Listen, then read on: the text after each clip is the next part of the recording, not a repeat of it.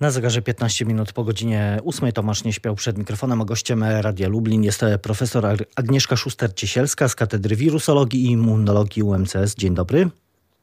Dzień dobry panu, dzień dobry państwu.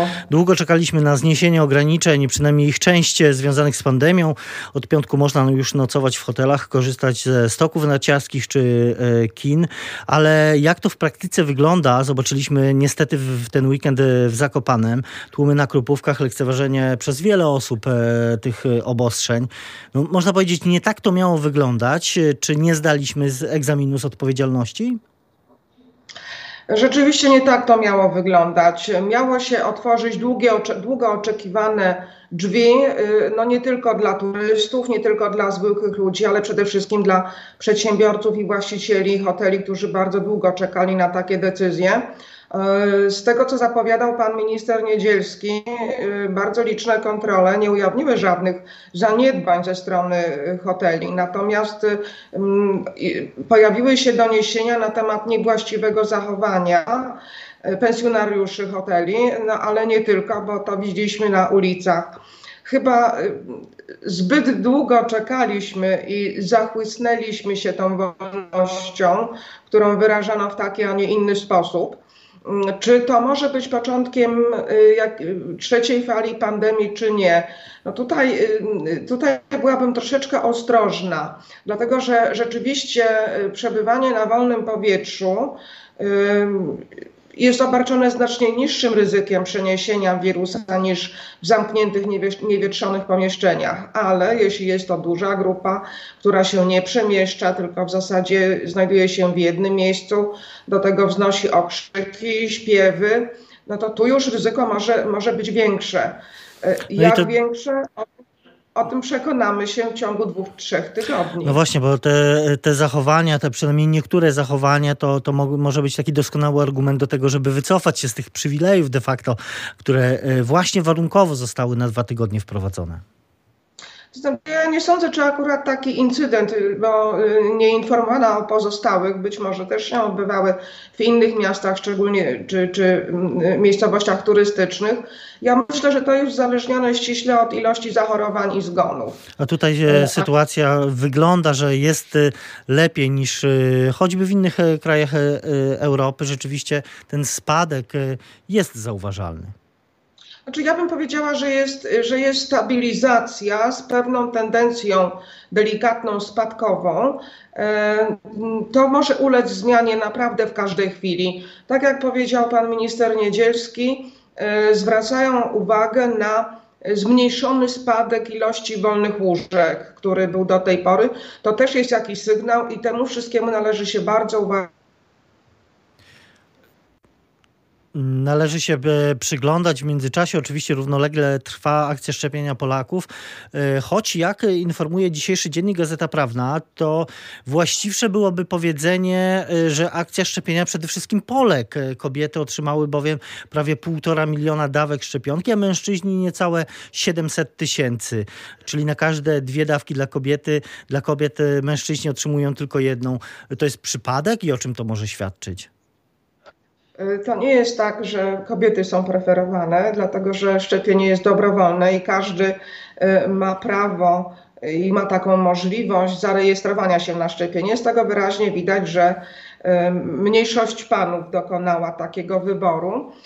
Ja powiem, że specjalnie mnie to nie dziwi, ponieważ od lat wiadomo, że kobiety są tą płcią, która zdecydowanie bardziej dba o swoje zdrowie, regularnie dokonuje badań okresowych czy z własnej inicjatywy, chodzi częściej do lekarza, e, zalecza, leczy choroby, natomiast panowie podchodzą mniej rygorystycznie, powiedziałabym, do tego problemu i to się też przejawia właśnie w ilości szczepień. A powiedziałabym tutaj y, jeszcze jedną ważną uwagę, bo w zasadzie właśnie panowie powinni tutaj bardziej dbać o szczepienia i dorównać kobietom. Dlaczego? Dlatego, że statystycznie rzecz ujmując, to właśnie płeć męska jest obarczona cięższym przebiegiem COVID-19 i częstszą hospitalizacją, i takie dane napływają z różnych krajów. Ważne oczywiście to, że ten program szczepień trwa, nawet jak się okazuje to tempo na tle całej Unii Europejskiej mamy bardzo dobre, ale pojawi się problem ze szczepionką AstraZeneca, znaczy problem w, w tym sensie, że próbowano, czy próbuje się ją, niektóre środowiska przynajmniej ją zdyskredytować, że nie ma takiej skuteczności jak pozostałe preparaty, czy Pfizera, czy Moderny, że nie została przebadana na starszej grupie, że choćby Szwajcaria e, tego, tej szczepionki nie, nie dopuściła u siebie. Czy te wątpliwości, pani profesor, są uzasadnione? To, że Szwajcaria nie dopuściła tej szczepionki do siebie, to nie jest na zawsze, tylko to jest czasowe. E, Szwajcaria czeka na więcej danych, które cały czas spływają z trzeciej fazy badań klinicznych. Ja, ja powiem tak, sama już jestem zapisana, zarejestrowałam się na szczepienie jako nauczyciel akademicki i my otrzymamy szczepionkę AstraZeneca. I ja byłabym chętna na szczepienie jakąkolwiek szczepionką, która byłaby aktualnie dostępna.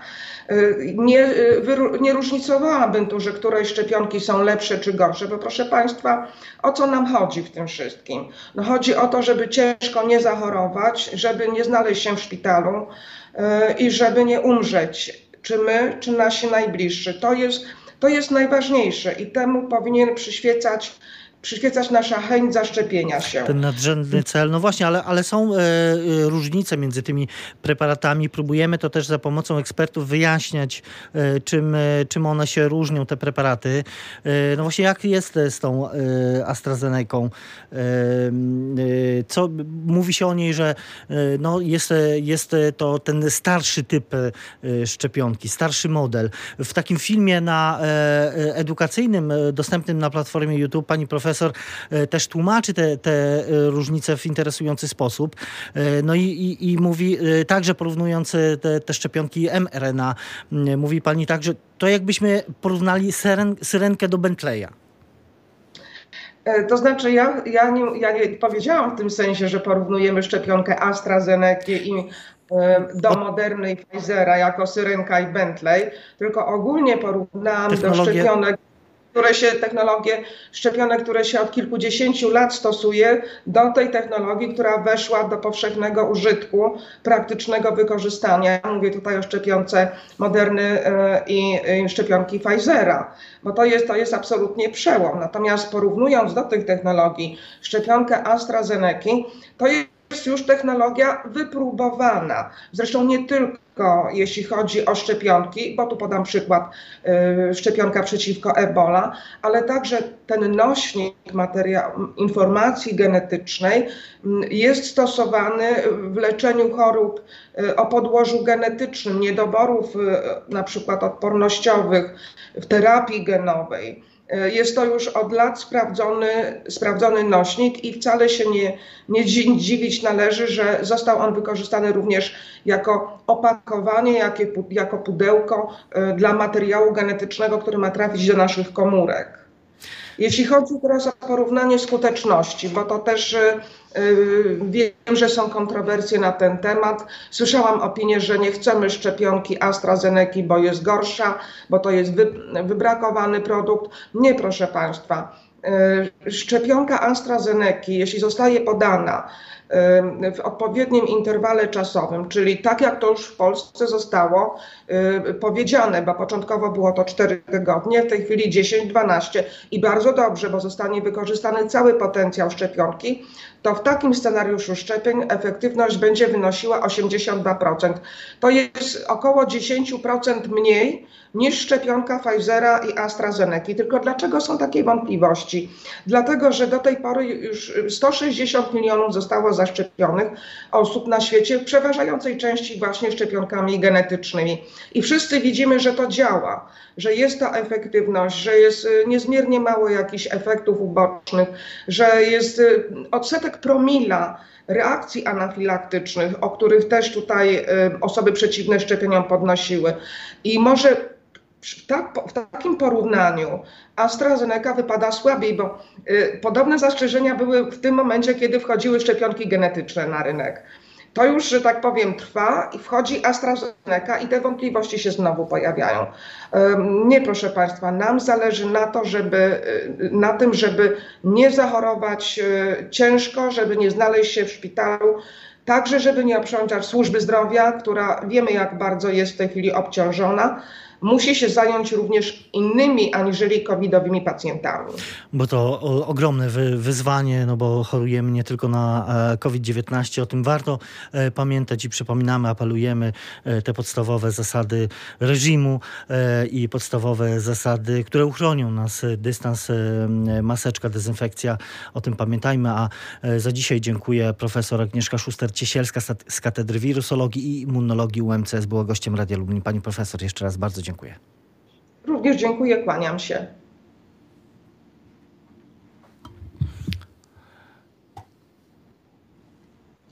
To już Okej, koniec na tak, dzisiaj. tak, tak. Ja jeszcze tylko przed, przetrzymałem, żeby sygnał. Tak, dziękuję ślicznie jeszcze raz. Pozdrawiam serdecznie. Do widzenia. Dziękuję, kłaniam się, do widzenia.